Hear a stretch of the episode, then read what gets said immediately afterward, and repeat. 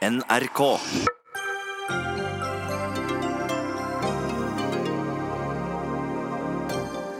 Spiondømte Frode Berg nærmere friheten kan bli byttet mot russiske spionfanger i Litauen. Hva har Norge betalt for den utvekslingsavtalen, spør vi. Landbruksdepartementet vil ha oss til å spise mer kjøtt. Statsråd Bollestad er en folkehelsefiende, mener helsepersonell. Sykehusansatte får rett til pensjon fra første krone. Det bestemte Rikslønnsnemnda i dag. En historisk seier, jubler arbeidstakerne. Prisen på togbilletter stiger tre ganger raskere enn flybilletter. Urovekkende, mener Naturvernforbundet. Og Thor Heyerdahl hadde en skjult teori med et rasistisk fundament, hevder historiker i ny bok.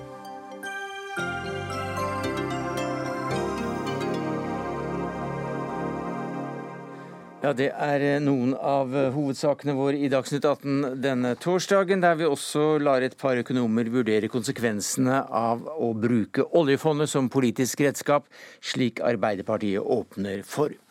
Men vi begynner med nyheten om at spiondømte Frode Berg kan være på vei hjem til Kirkenes fra russisk fengsel. I dag har Frode Berg og norske myndigheter fått god drahjelp fra parlamentet i Litauen. Og utenriksreporter Morten Jentoft, du har rapportert hjem om dette i hele dag. Men for nye lyttere og seere, hva har skjedd i hovedstaden Vilnius i dag?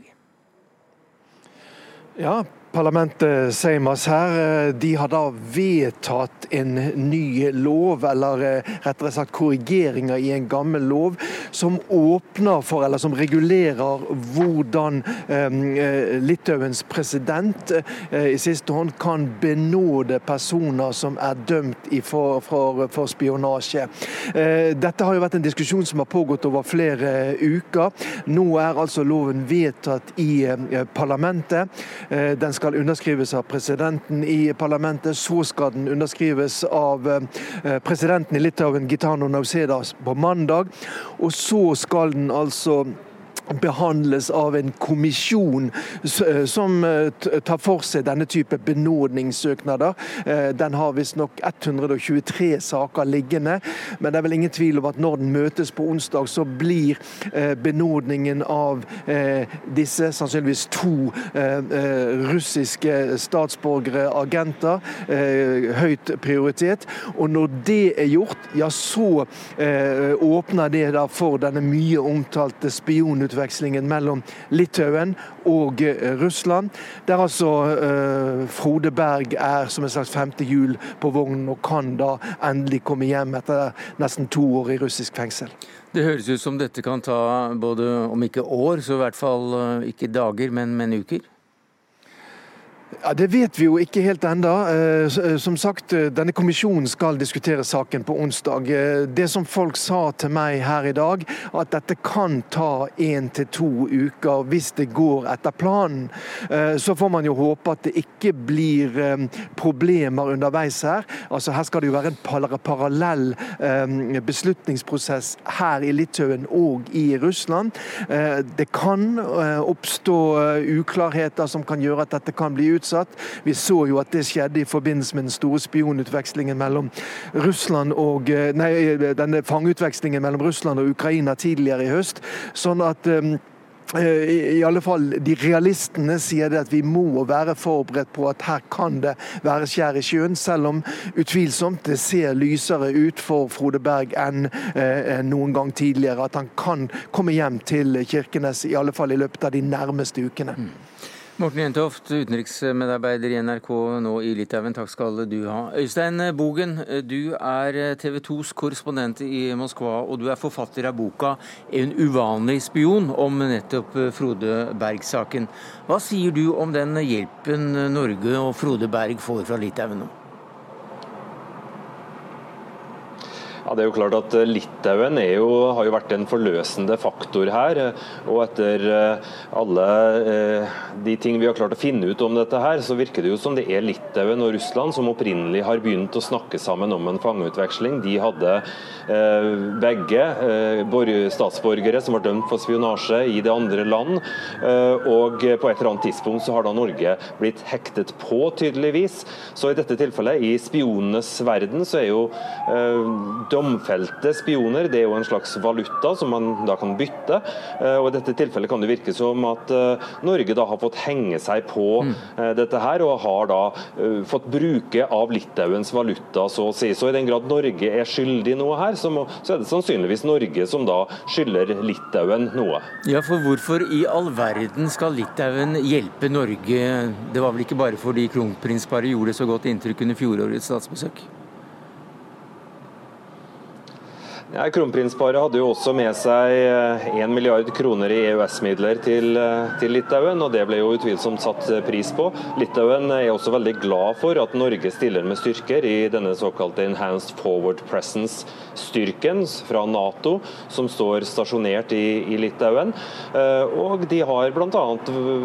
underskrevet kontrakter om, om kjøp av norskprodusert luftvern. Og kilder i Vilnius de sier jo at det er mye vi har å takke Norge for. Men eh, det er uklart om det er annen valuta som, eller andre penger eller tjenester som også må skifte hender før denne spionutvekslingen skal bli et faktum. Ja, vi vet jo ikke hvordan eh, dette her har foregått. Eh, og Utenriksdepartementet sier i dag at de har sagt sitt, og det er vel da ingenting til nå. Men med ditt kjennskap til slike saker, hva kan ha foregått?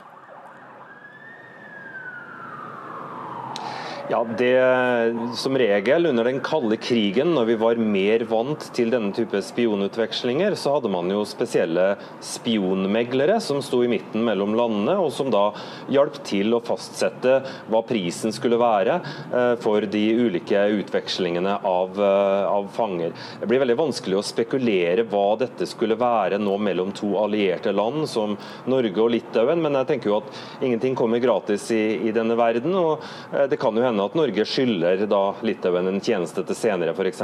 Eller altså, som du nevnte, kanskje allerede har eh, betalt for dette gjennom ES-midler eh, eller eh, billigere, billigere luftvernsutstyr? Ja, f.eks.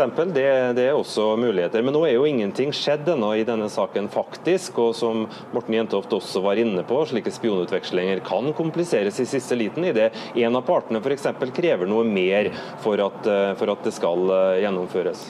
Da blir det spennende å se hvordan en eventuelt utveksling skal skje. da, Om det blir over en bro à la Gliniker Brücke i Berlin eller Bøkfjordbrua i Frostrøyk i Finnmark. Takk skal du ha, Øystein Bogen, TV 2s korrespondent i Moskva, og forfatter av boka 'En uvanlig spion'. Dagsnytt 18 alle hverdager kl 18.00 på NRK P2 og NRK2. Ja, Rikslønnsnemnda gir altså ansatte i sykehusene rett til pensjonsopptjening også for de som jobber under 20 Du tjener deg altså opp til en pensjonsrettighet fra første krone. Dette var det store eh, stridsspørsmålet under sykehusstreiken, som varte fra ja, når det i hvert fall tre uker i juni i sommer, der over 800 ansatte i seks ulike helseforetak var med. Og Lissi Ruud Torgelsen, du er leder for arbeidstakerorganisasjonen Spekter. Eh, en historisk kjennelse, sier du. Hvorfor det? Absolutt en historisk hendelse, og jeg skal bare påpeke at det er for Y-spekter, så ikke jeg blir tatt for arbeidsgiversiden her, for det hadde jeg ikke tenkt. Nei. Nei, det er altså historisk for, for oss, fordi at her har Rikslønnsnemnda gjort en selvstendig vurdering og innfridd vårt tariffkrav. Eh, og ikke bare videreført det som var, men faktisk gjort den endringen, som vil bety veldig mye for veldig mange ansatte. Ja, Hva vil det bety? Det vil faktisk bety at veldig mange av de dyktige menneskene som går på jobb og jobber under 20% stilling, nå får pensjon fra første krone, som ikke er noe mer enn rett og rimelig. Men det er jo ikke vanlig eh, dette at Rikslønnsnemnda eh, kommer til slike kjennelser etter en, en slik streik. Hvorfor har det skjedd her, tror du? Nei, Mitt håp er at man faktisk har sett urimeligheten. Og at man faktisk da har valgt for første gang å gjøre det. Og det må rett og slett være for at kravet må bare innfris. I tillegg så kommer det nye pensjonsordninger nå fra allerede 1.1.2020. Så alle disse unge menneskene de er nødt til å kunne opptjene pensjon fra første krone, uavhengig av selvstørrelse. Kommune-Norge har klart det før. Nå blir Spekter trua med. Kristine Nergård, du er arbeidslivsforsker i eh, Fafo, eller ved Fafo. Eh, denne kjennelsen den kom også nylig, den er rykende fersk. Jeg vet ikke om du har tid til å lese den i det hele tatt, men, men hva sier du til det du nå vet? Nei, det er jo som det ble sagt fra YE Spekter sin side her. Altså, det er eh, overraskende. Det er sjelden at uh, Rikslønnsnemnda går inn og gjør den type endringer i tariffavtalene som vi ser her. Vanligvis er uh, nemnda veldig forsiktig med å gå inn i substansen i avtalene. Så det var overraskende. Ja, har denne kjennelsen noe å si for lignende praksis utenfor helsesektoren, tror du? Det tror jeg nok ikke. Eh, nå vil nok arbeidstakersida ta dette her som en seier også man tar med seg når man eh, forsøker å få innført dette prinsippet om pensjon fra første krone også på andre områder. Men eh, der er nok dette her i hovedsak må gjøres via en lovbestemmelse, ikke via tariffavtalene.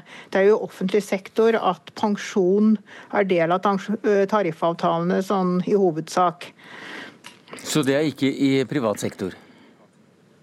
Nei, stort sett ikke. Eh, arbeidsgivere i privat sektor har jo vært veldig klare på at de vil ikke ha pensjon inn i tariffavtalene. Men hvor vanlig er det at arbeidstakere som jobber mindre enn 20% ikke får opparbeide seg pensjonspoeng? Det er jo ganske vanlig, da. Nå har man jo fått det i kommunal sektor eh, tidligere. Og det var jo litt det som lå til grunn for at eh, flertallet i Rikslønnsnemnda nå gikk inn for å gi dette her også i, i, til Spekter i sykehusene. For det er jo mange av de samme typer jobbene, ikke sant. Hjelpepleiere hjelpepleiere, omsorgsarbeidere, de som jobber på sykehjem i kommunal sektor og de som jobber på sykehusene i Spekterområdet. Eh, og så innførte man, eller fjerna man denne grensa som sa at hvis du jobba under 20% så fikk du ikke tjent opp pensjonspoeng. Den ble fjerna i kommunal sektor etter at man hadde tapt en sak i arbeidsretten. Så ble den ikke fjerna i sykehusene. Eh, og det er nok grunnen til at man nå har gjort det her, er dels eh, at det er sammenlignbare grupper og dels at eh, man oppfatter det som urimelig at, og, at eh, kvinnedominerte grupper i små stillinger ikke skal tjene opp eh, pensjonspoeng. Så kan man gjøre dette her i offentlig sektor, men hvis man da skal gjøre noe lignende i privat sektor, så er det enten en krevende lønnsforhandling, eller så må det endres en del lovverk. Og dette skjer altså etter en tvungen lønnsnemnd, at eh, Rikslønnsnemnda trer inn og da kommer med en, eh, en, kjennelse, og det har nå skjedd. Og Hvor mange eh, ansatte er det det er snakk om, som du vet nå, Lise Rude Torkelsen? Nei, dette er som man skjønner kan variere fra måned til måned. og I sommermåneden kan det være opptil 10 000, og kanskje en annen måned i november kan det være rundt 4500. Så dette her kan variere fra måned til måned hvor mye man trenger ekstrapersonale som kommer inn og gjør uh, viktig arbeid. Eh, hvor mye kan en uh, slik kjennelse koste da, Kristine Nergård? Nei, Det vet vi ikke. Det er jo som sier, Man vet ikke riktig hvor mange det er. Altså, jeg har jo lest eh, denne kjennelsen, og der snakker man jo om eh, kan du si, kanskje 5000 personer, 4000-5000 personer i gjennomsnitt i løpet av året. Eh, så det er ikke snakk om store beløp, det man må betale ut. Det som arbeidsgiversida har argumentert for, er jo at dette her er administrativt krevende. Kanskje mer enn at det koster så veldig mye. Så ligger jo dette her litt sånn i korta at uh, nå legger man jo om pensjonsordningene. Vi skal på en måte, Pensjonen vår avhenger av hva vi tjener opp gjennom uh, hele yrkeslivet. Og da argumenterer man arbeidstakerne jo da for at ja, da må vi også få med de små jobbene som vi har, kanskje mens vi studerer eller Eh, før man får seg en heltidsstilling. Men blir det, blir det slik nå, eller kan det komme en omkamp? Nei, nå blir det nok sånn. Det skal mye til at eh, det kommer en omkamp nå. omkamp nå, så dette her kommer nok, må man regne med blir et prinsipp som gjelder i sykehusene, på samme måte som det allerede gjelder i kommunal sektor. Og da, Dermed kan Lise Ruud Torkelsen som leder av YS Spekter fortsette å smile hele kvelden? Ja, først og fremst på vegne av alle de ansatte mm. som får glede av det. Mens eh, arbeidstakerorganisasjonen Spekter altså ikke hadde anledning til å, å, komme i dag. Takk skal du ha, Torkelsen, som leder av YS Spekter. Og takk til deg, Kristine Nergård, forskningskoordinator i Fafo.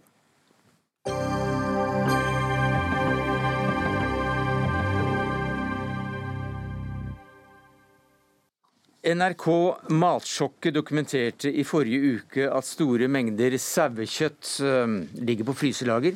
Vi spiser ikke like mye kjøtt som før, eh, og 600 tonn var det vel, eh, er nå vekten av dette kjøttberget.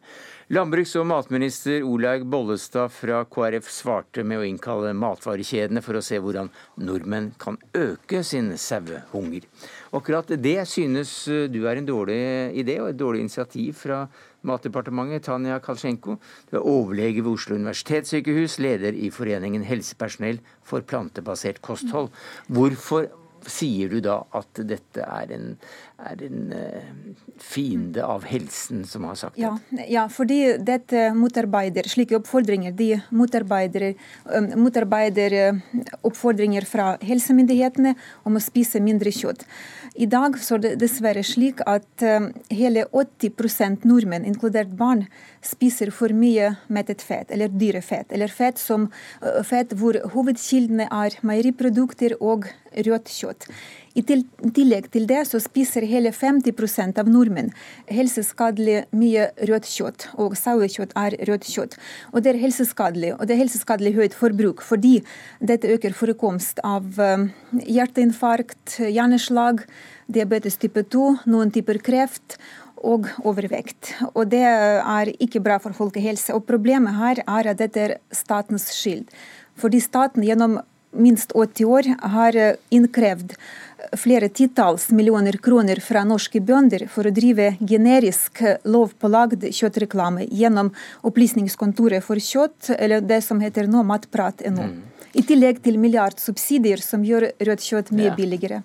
Det var litt av en salve til deg, Vidar Skogen, for du er statssekretær i nettopp Landbruks- og matvaredepartementet fra Kristelig Folkeparti. Og du er da en våpendrager til folkehelsefienden Bollestad, som er i Kina. Hva er det du sier til dette? Ja, eh, Det jeg sier er jo at eh, også Landbruksdepartementet anerkjenner jo kostholdsrådene. Eh, og da er det jo slik at en god del nordmenn bør spise mindre kjøtt, og en god del nordmenn kan spise mer kjøtt. Det er utgangspunktet. Og så Det andre poenget er jo det at vi må jo løfte blikket litt lenger. Er jo ikke kun tenke på, på helseperspektivet. Det er jo også et klimaperspektiv i det her. og FN har jo sagt, klimapanelet, at verdens matproduksjon må øke med 60% innen 2050. Og den, og den, produksjonen skal være på stedegne ressurser. Og hva er stedegne ressurser i Norge? Jo, det er gras. Det er gras. To tredjedeler, to tredjedeler av eh, matproduksjonen i Norge er på areal som kun kan brukes til gras. Og Derfor har jo vi prioritert grønt, korn, frukt og bær der det er mulig. I sist jordbruksoppgjør så brukte vi faktisk nærmere 70 eller 90 millioner for å få en økt mm. satsing på det. Så dette, vi følger rådene veldig godt. Mm. Altså, dette er ikke sant. Også, altså, dette er ikke sant, for De har et tall fra Landbruksdirektoratet som viser at norske drøvtigere, altså sau, geit og ku, altså storfe, de forbruker mer, enda mer kraftfôr enn det Eh, griser og kyllinger forbruker. Og eh, For å produsere én kilo kjøtt fra sau, så kreves det like mye kraftfôr som eh, det er for å produsere én kilo kjøtt fra kylling. Og Her er gode tall fra ditt landbruksdepartement som viser hvor, store, hvor mye kraftfôr drøvtyggere spiser opp. Og så I tillegg til det, så ifølge også landbruks-LMD, som det er noe som står på regjeringene nå, at eh, to tredjedeler av de beste norske matkornarealene mm. blir i dag brukt til å produsere nettopp eh, dyrefôr. Nei, altså Det der er jo eh, en sannhet med noen modifikasjoner. Hvis du går tilbake til 1979, så hadde vi ingen kornproduksjon i Norge som kunne brukes til matkorn. Og så har vi hatt en fantastisk utvikling i næringa hvor vi har gjennom sortsutvikling og teknologi fått opp en produksjon. sånn at i år så har vi jo faktisk tall som viser at 65% av matkornet er fra norsk produksjon. Så vi har jo virkelig satsa i tråd med det som du etterspør her. Og så er det sånn at for å få fram... Vi må nesten få syn, syn på det også. Ja, men det står, Tallene er feil. Det er tydelige tall. at Drøvtyggere forbruker like mye, enda mer kraftfôr totalt som norske griser og kyllinger. Og eh, I tillegg så er det absolutt ikke noe å skjule på. at uh, altså Det er noe som står også ferske tall på regjeringene nå, at to tredjedeler av norske matkornarealene brukes opp til å dyrke husdyrfôr ja, i, som sagt, så det er både det, importert det og norsk kraftfôr. Altså, vi er enige om det, men det skyldes jo eh, klimatiske forhold som gjør at uh, utmarksbeite kan du ikke bruke til korndyrking. Og, og, i Nord-Norge og fjellregionen og Vestlandet så er det grasareal. Og det er klart Når FN legger et sånt ansvar innover Norge, at man skal bruke stedegne ressurser fordi at verden trenger mat i økende behov framover, så må vi produsere grønt og frukt og bær der det er mulig, og så må vi bruke resten til gras. Mm. Og Når det gjelder korn, så er det jo sånn at vi har jo som mål å være mest mulig dekket av matkorn sjøl. Men så er det sånn at klimatiske forhold Du har tørke et år, og du har for mye eh, vann et annet år, og du får dårlige avlinger. Og Da er det jo god ressurspolitikk å, å produsere kjøtt basert på noe som ellers måtte kasseres, som ikke er egnet til menneskefôr. Så jeg mener at norsk landbrukspolitikk er godt balansert innenfor kostholdsrådene og er god ressurspolitikk. Men dette, alt dette her må ikke kasseres. Det er helt tydelige, klare tall fra Landbruksdirektoratet hvor mye soya Eh, korn av god kvalitet som blir spist av husdyrene, av norske husdyr, inkludert av drøvtyggere.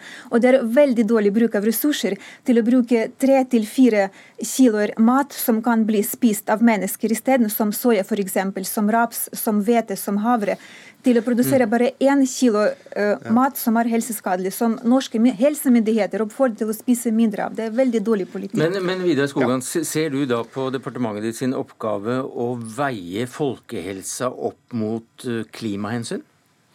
Nei, jeg er opptatt av at vi må ha Men det var jo det du sa, at vi ja, ikke bare måtte se på ja, helse, vi måtte også se på klima. Det, og da er det vel et eller annet skjæringspunkt her? Da? Ja, altså vi må ha en helhetlig politikk. ikke sant? Vi kan ikke kun tenke på, på, på klima, eller kun tenke på bondens inntekt, eller kun tenke på, på helse og korn osv. Vi må ha en balansert politikk, og så må vi utnytte norske ressurser. og så må vi være men, men et øyeblikk, jeg har enda et spørsmål, skjønner du. Fordi, fordi Hvis du da bare ser på helsa, er det da slik at nordmenn spiser for lite sau? Ja, eh, Når det gjelder sau, så er jo eh, landbruksministeren sitt viktige budskap det er jo det at hvis du, hvis du skal altså, spise... Hennes ja, viktige ja. budskap er at nordmenn spiser for lite sau. Det sa ja. hun i forkant eh, av et møte med dagligvarekjedene nå i forrige uke. Ja, og Det der er et viktig ressursspørsmål. For Hvis, hvis nordmenn skal spise lammekjøtt, så må du ha sau for å få lammekjøtt. Og, og, Da må du også anvende sauen, ellers så blir det jo et matsvinn og et matkasteproblem og et ressursproblem. Så Det som er vår inngang, er det at når du først produserer en, en vare, så må du på en måte mm. også spise sauen. Du ja, kan ikke bare det, spise lam. Jo, det så det er, det er poenget. Jo, ja. men det er sløsing etc. etc. Det, ja. det, går fint an å forstå. Men når vi snakker bare om folkehelsa, eh, er det bra å spise mer sau? Ja, det er bra. Altså, som jeg sa innledningsvis, så, så, opererer vi innenfor kostholdsrådene. Og da sier jeg at Noen nordmenn kan spise mer kjøtt, og andre må spise mindre kjøtt.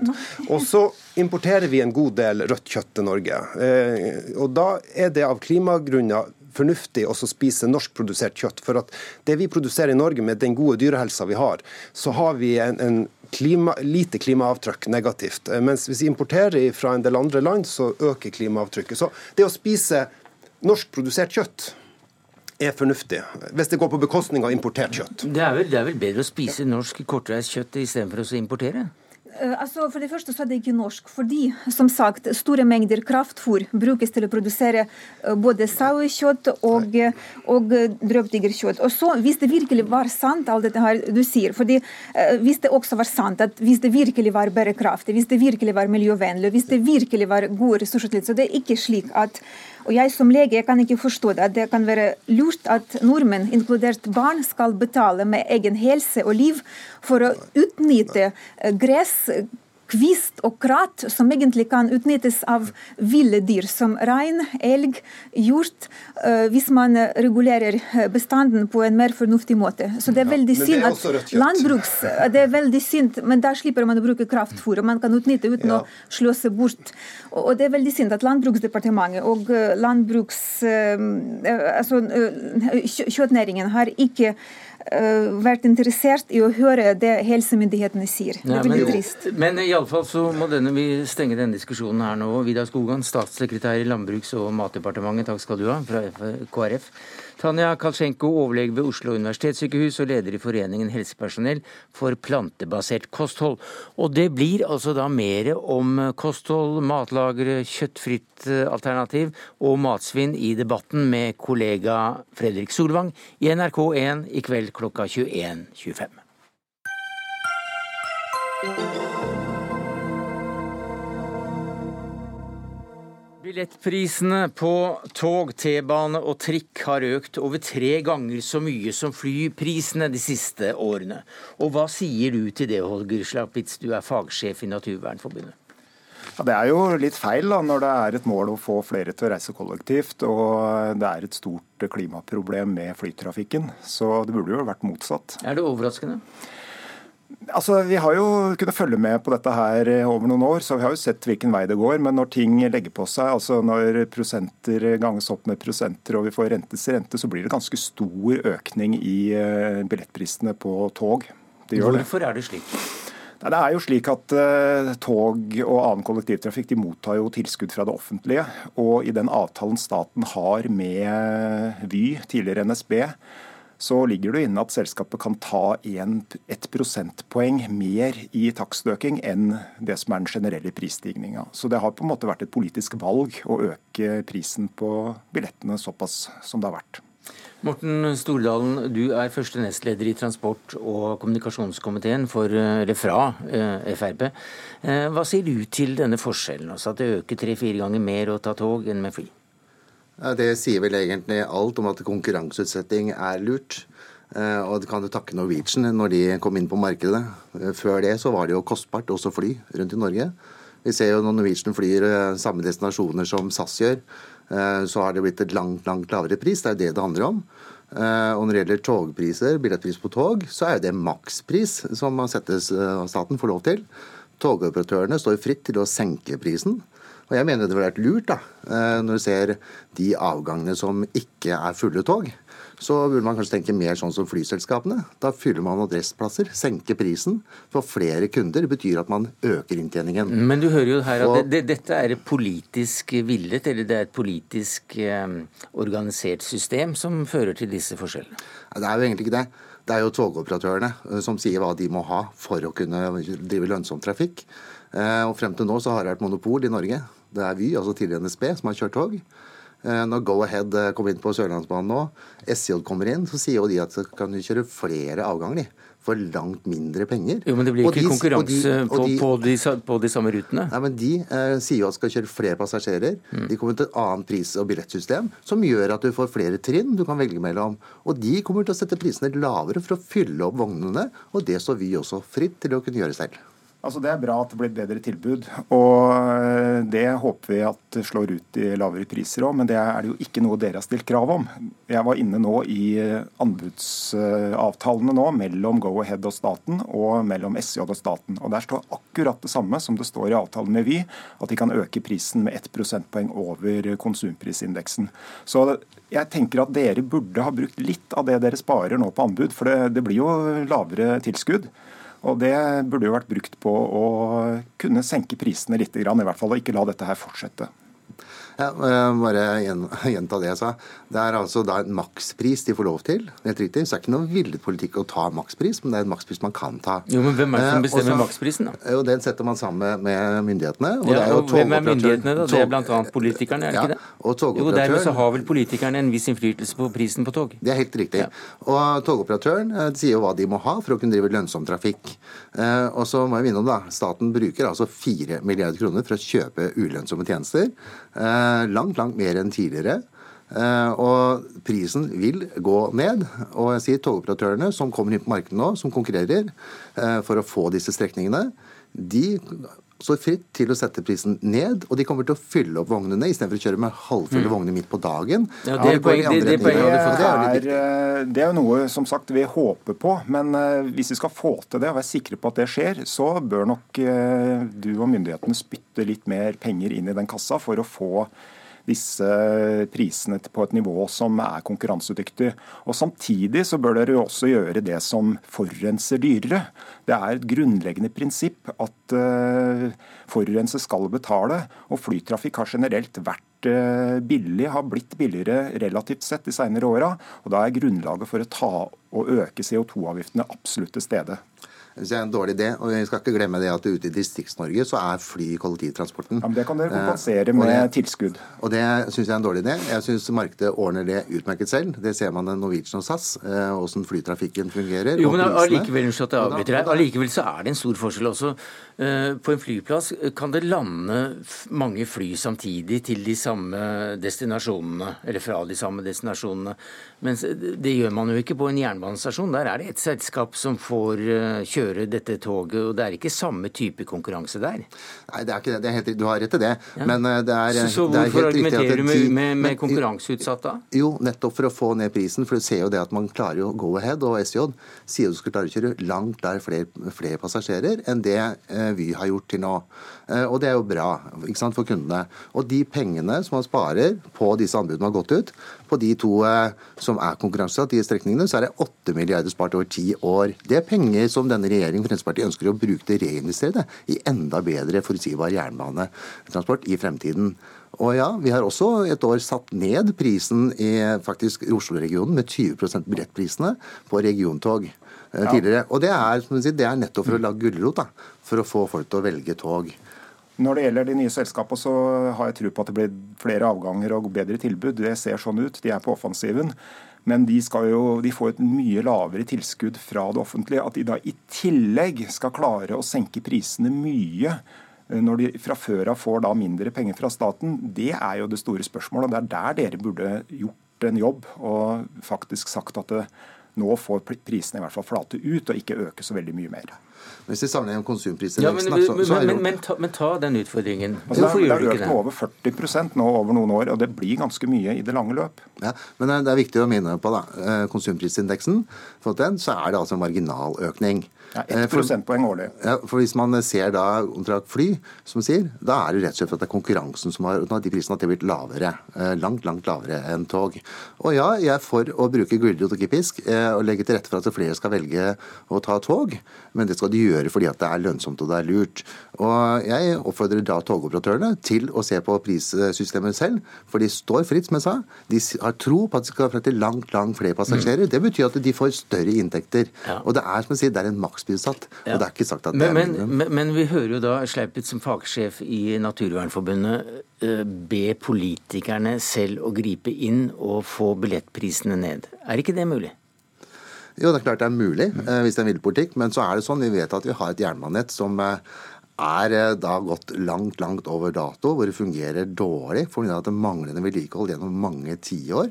Og så vet vi at det er flere år fremover i tid, frem til særlig rundt Oslo-regionen, så er vi helt avhengig av at Oslo-tunnelen som er stappfull. Det går over 100 flere tog nå enn i 2013, og nå er den full. Og da vil vi bruke de pengene til å investere og reinvestere for å utbedre jernbanen, sånn at togoperatørene også kan få forutsigbarhet. For det må kundene også ha. Men hva med, men hva med argumentet om at tog er mye mer miljøvennlig, da? Går det hardt inn i, inn i, deg som stortingsrepresentant? Ja, men Det er derfor vi legger til rette for det. Akkurat som vi legger til rette for eh, null- og lavutslippsbiler. Eh, samme med flytrafikken også tar sitt ansvar. Se på drivstoff, hva de bruker. Og jeg mener at vi skal legge til rette istedenfor å drive med avgiftspålegging eh, og forbud, som da Naturvernforbundet vil. Jo, men, så er Fremskrittspartiet veldig uenig i det for å legge for til rette for at man skal i, velge de når, gode løsningene. Ja, Når det gjelder bilpolitikken, så har vi altså da tatt bort avgifter og senket avgifter på elbilene og bomringer og alt mulig. Vi kjører eh, mye biler igjennom, de fleste. Eh, mens eh, når det gjelder togbilletter, som jo også er et miljøvennlig alternativ, så er det ikke like ivrig å bruke politiske virkemidler. Hvorfor det? Ja, vi bruker altså fire milliarder årlig, da. Og det er en betydelig økning eh, på de seks åra. Så Fremskrittspartiet sitter i regjering, eh, så kan vi ikke si det at ikke vi gjør noe. Tvert om. Det brukes formidable summer, eh, som betyr en enorm sponsing og subsidiering av disse ulønnsomme rutene. Når du sier gulrot og pisk, så er vi jo tydeligvis enige. Det er veldig bra. og Da trenger vi økte CO2-avgifter. Det gir også inntekter til staten. Da kan du bruke litt av de penga til å senke billettprisene på tog, og samtidig ha penger igjen til å forbedre infrastrukturen og gjøre toget mer pålitelig og ha flere avganger. Det er en god kombinasjon. og Det er ikke å tvinge folk, det er å få folk over på de grønne løsningene. Sammen kan marked og folk spille på lag. Takk skal du ha, Holgeir Slapitz, fagsjef i Naturvernforbundet, og til deg, Morten Stordalen, eh, første nestleder i transport- og kommunikasjonskomiteen fra Frp. Hør Dagsnytt 18 når du vil. Radio NRK Radio.nrk.no.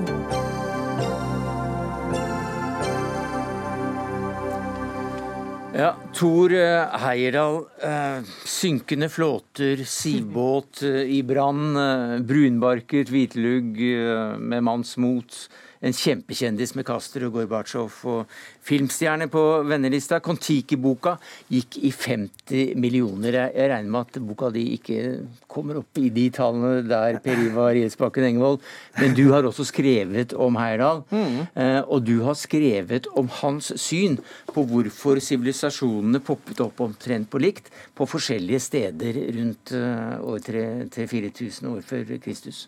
Ja, altså det, det jeg har undersøkt, er jo Heyerdahl Heyerdahl som forsker. Eh, det har jo blitt skrevet mye om mennesket Heyerdahl før. Men eh, det viser seg jo da at Heyerdahl har en, eh, en metateori, da. Altså en teori som binder sammen mhm. alle ekspedisjonene og, og utgravingene. Ja. Så det er jo det som er nytt med boka. da. Ja, og, og, hva var det du da mener at du har funnet?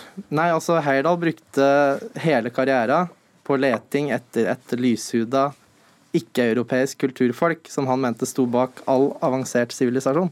Mm. Og det er jo en, eh, det er en sprek teori. Eh, var det viktig at det var hvite? Det er litt vanskelig å si, for Heyerdahl arver veldig mange av, mye av tankene sine. Eh, blant, altså, han, som forsker så blir Heyerdahl til under ekspedisjonen på Fatuhiva, som da var den første ekspedisjonen hans. da. Og nå er det jo særlig Henry Lee, en annen nordmann, som han møter på Fatuhiva, som setter ham på sporet av at polyneserne har blitt uh, befolka fra Sør-Amerika. Og det ble jo et viktig poeng for Heyerdahl. I Kon-Tiki? Ja, det er jo mm. Kon-Tiki-ekspedisjonen. Mm. Ja. Men det at hvite, skjeggete menn da skal ha bidratt mye mer til ehm, sivilisasjonsbyggingen um, i Egypt, Mesopotamia, mm.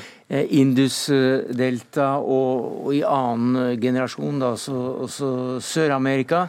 eh, hva, slags, uh, hva slags teori vil du kalle det? Det er, eh, det er vanskelig å klassifisere Heyerdahl en teori, eh, egentlig. For det Eh, det han gjør, er jo egentlig å plukke opp ting her og der. Eh, men det er jo et fenomen i Sør-Amerika eh, som i dag kaller white gods. da. Og mye av Heyerdahls forskning liner seg opp med, med, den, da, som i dag blir sett på som en sånn pseudo-arkeologisk retning. Rett og slett. Nei, for Til radioprogrammet Ekko så sa du at du selv var sjokkert over hva du fant. Ja, jeg er jo det. Uh, Men hva er det som er sjokkerende, syns du? Det som er sjokkerende, er jo først og fremst at uh, uh, Heyerdahl sporer jo de her hvite kulturbærerne, eller lyse kulturbærerne, tilbake til Midtøsten. Uh, og så stopper det der. Men de har jo grunnlagt de eldste kjente sivilisasjonene. Så de må jo ha kommet fra et sted som eksisterte før.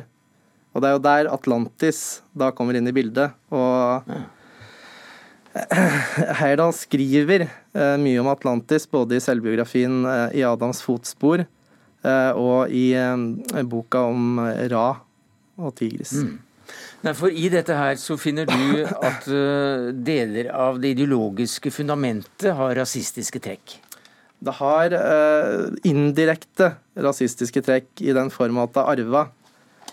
Heyerdahl var jo uttalt antirasist og brukte mannskap med et stort etnisk mangfold. Eh, så jeg anklager jo ikke Heyerdahl for å være rasist. Men teorien har, i hvert fall deler av teorien har røtter i vitenskapelig rasisme. Og dette tankegodset mener du da eh, førte ham verden rundt, så å si. Du, du leser ja. nesten alle utgravninger, alle flåteferder ut i den konteksten? Ja, så Heyerdahl ville jo være forsker.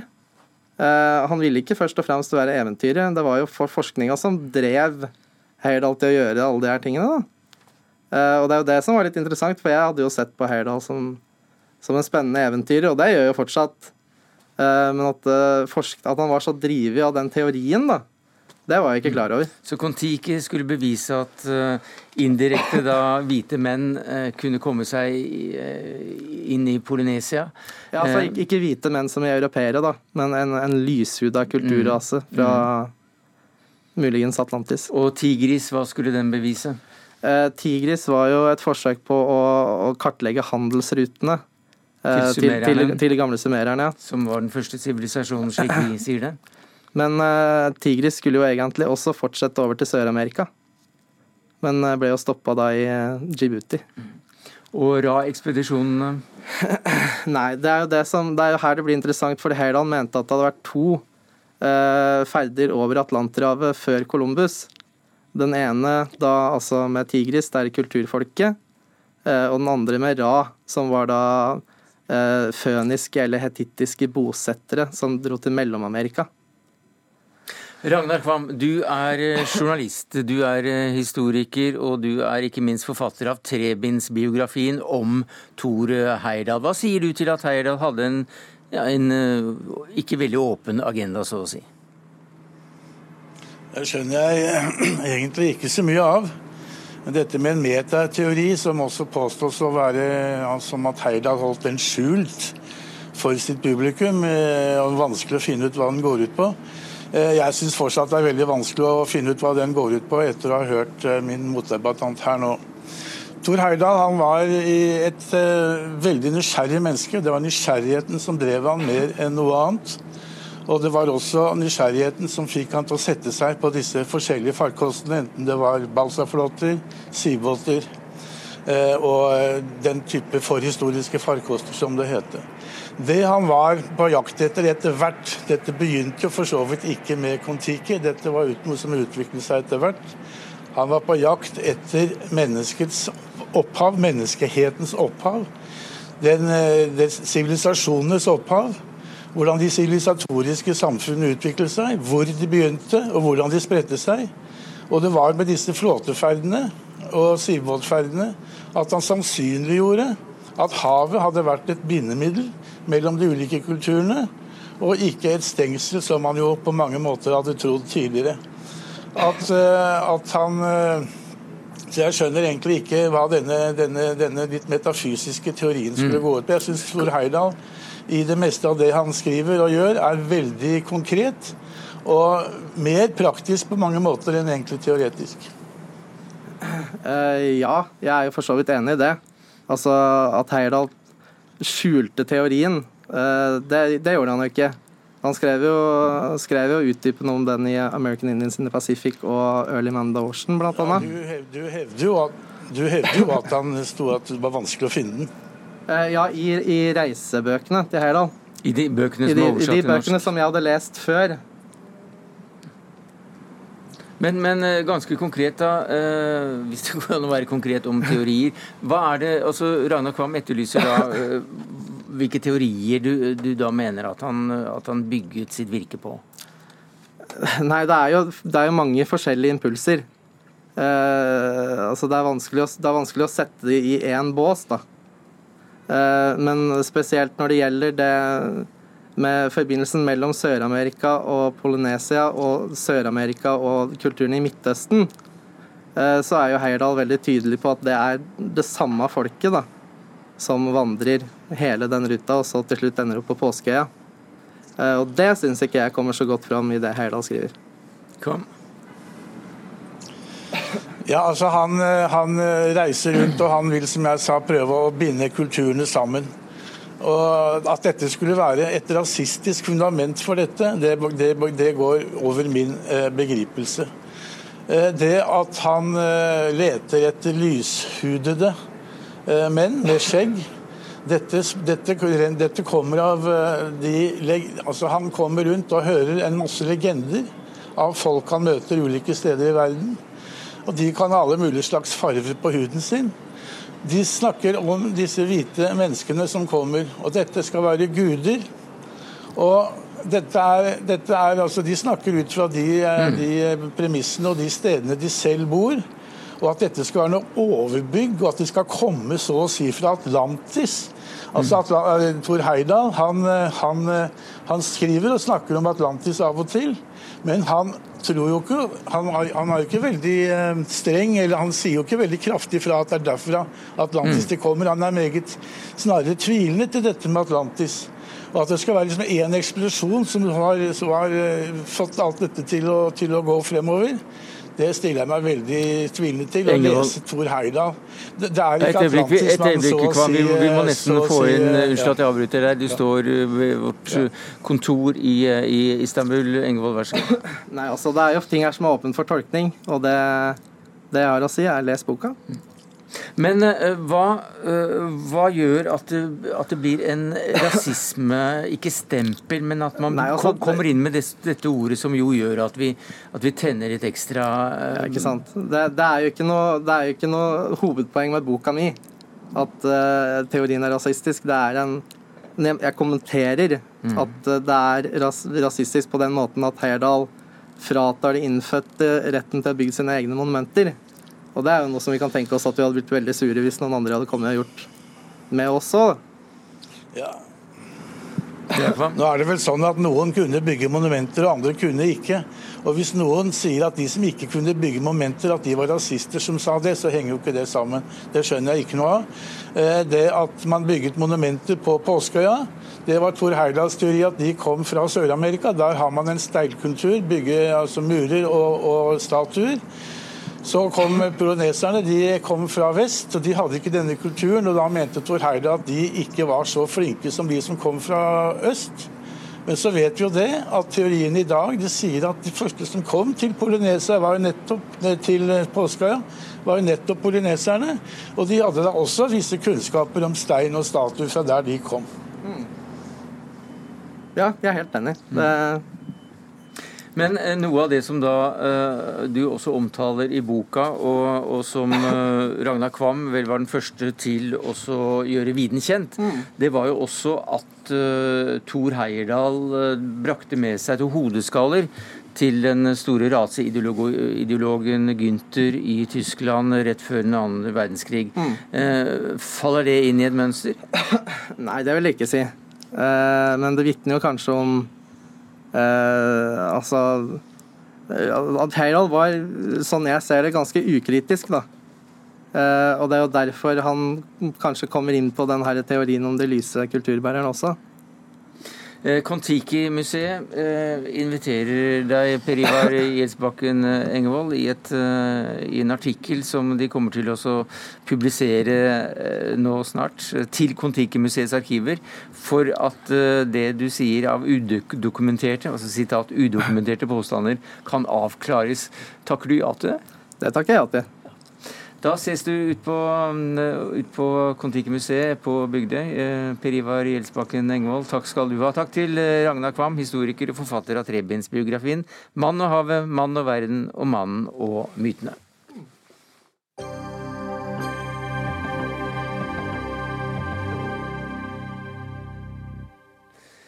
Ja, Vi må venne oss til å si at vårt pensjonspoeng er et politisk redskap. Med dette budskapet på gårsdagens Zero-konferanse så hisset Arbeiderpartileder Jonas Gahr Støre seg på flere, bl.a.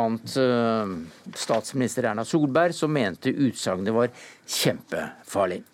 Nå er det ikke klart hva Støre eventuelt vil gjøre, men helt overordnet, hva mener du kan være farlig med disse signalene om å bruke oljefondet som politisk redskap? Hilde Bjørnland, du er professor i samfunnsøkonomi og, og satt i, også i Mork-utvalget som så på innredningen til oljefondet.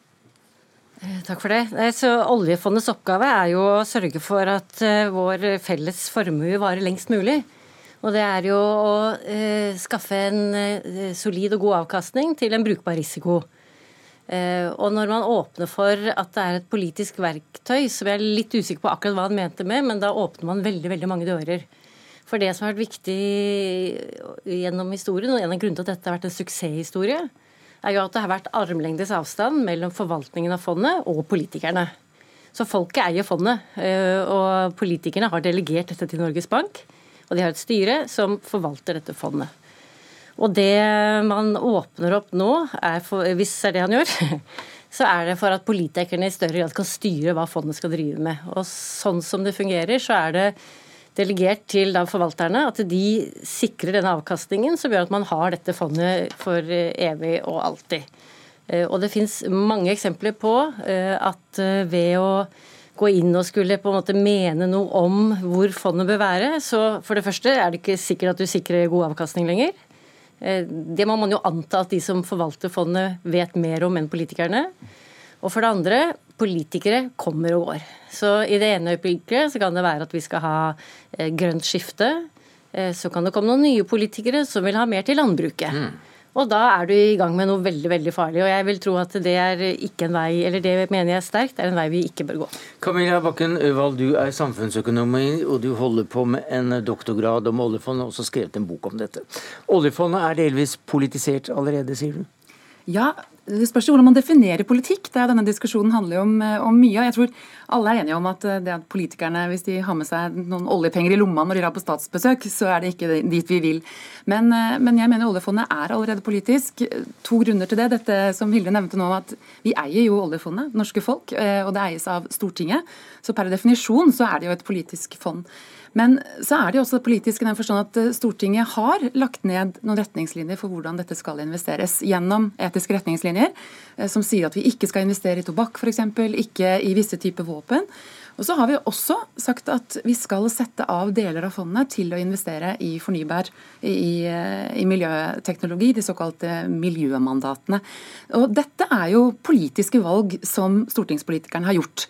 Eh, og det som jeg tenker er positivt med denne debatten, er jo at man får en diskusjon at dette handler om politikk. At det er ikke entydige faglige råd. Dette er ikke noe som finans- og økonomene kan drive med alene. Dette er politiske valg også.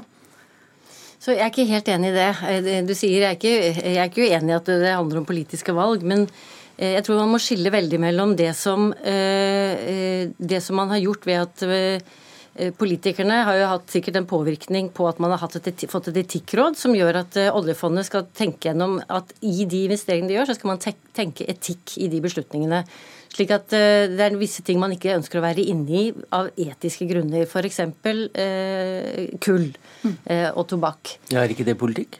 Jo, men det er på en måte å si at vi ønsker ikke at vi skal være inne i de, fordi vi ønsker at der hvor vi investerer, og der hvor vi eh, ønsker å vår, få avkastning og ta vår risiko, så ønsker vi at det skal være en etisk standard på det. Vi ønsker ikke å være verste gutten eller jenten i klassen med våre investeringer. Men det er noe helt annet enn å si at vi ønsker at du skal investere der og der og der, for det er noe jeg liker. Det er noe jeg syns er politisk opportunt. Eller jeg ønsker å være inne i de, de, og de landene av politisk opportunisme, og ikke de og de landene. Da går du inn i en helt annen sånn Da, da, da blir oljefondet Norges eh, utstrakte hånd i utenrikspolitikken, og det er noe helt annet enn å si at vi skal investere, men vi skal selvfølgelig ikke investere der hvor man, der det ender med ødeleggelse, med eh, fordervelse osv. Ja, jeg er helt enig i det, det er, men det tror jeg heller ikke har vært diskusjonen. at I det øyeblikket man sier at oljefondet er politikk eller er politisk, så kommer man veldig fort i den diskusjonen. Altså at politikerne skal plukke selskaper. Det tror jeg det er ingen som tar til orde for. Men dette med å vurdere hva er etisk og ikke, det er jo en politisk uh, vurdering. F.eks. tobakk Eh, er, er da prioritert bort. Eh, også dette med å sette av grønne mandater er en politisk eh, beslutning. Så jeg mener at vi må ha en diskusjon om oljefondet som, som politikk.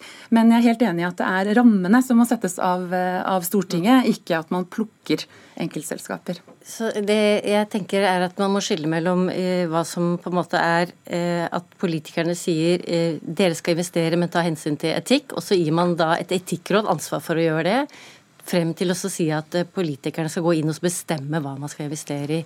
Det, men det som helt overordnet jeg syns er problematisk, er hvis det fungerer bra sånn som det gjør nå, for det har jo fungert veldig bra. Dette er en suksesshistorie. Norske oljefond er en virkelig en suksesshistorie med nå 10 000 milliarder og investert på en god måte rundt omkring i verden. Hvis man nå, eh, hvis, jeg skjønner ikke helt hva Støre vil med eh, å åpne en debatt om at oljefondet skal bli politisk. fordi at alle er jo enige at det har fungert fint. Vi har spart masse for fremtiden. Eh, vi har unngått å tilsynelatende å ta veldig dumme beslutninger i de investeringene gjennom at vi har hatt et etikkråd. Så hva er det man vil noe mer enn å si at det vi gjør nå er ok? Det er det jeg ikke skjønner. For det åpner veldig, veldig mange dører. Oljefondet har jo utvikla seg hele tiden, og det utvikler seg nettopp av denne type debatter. Altså, det var jo veldig sterk motstand også mot etiske retningslinjer i mange, i mange år. Så, så, vi gjør jo den type valg, om ikke årlig i hver årlig behandling av, av oljefondets stortingsmelding, så, så gjør vi disse, disse, betraktningene. Og Grunnen til at jeg skrev en bok om oljefondet, er jo at jeg mener at dette er diskusjoner som bør inkludere flere. Hvordan vi investerer våre øh, oljepenger, ikke nødvendigvis av selskaper, men hvor vi skal investere hva slags retningslinjer vi skal ha.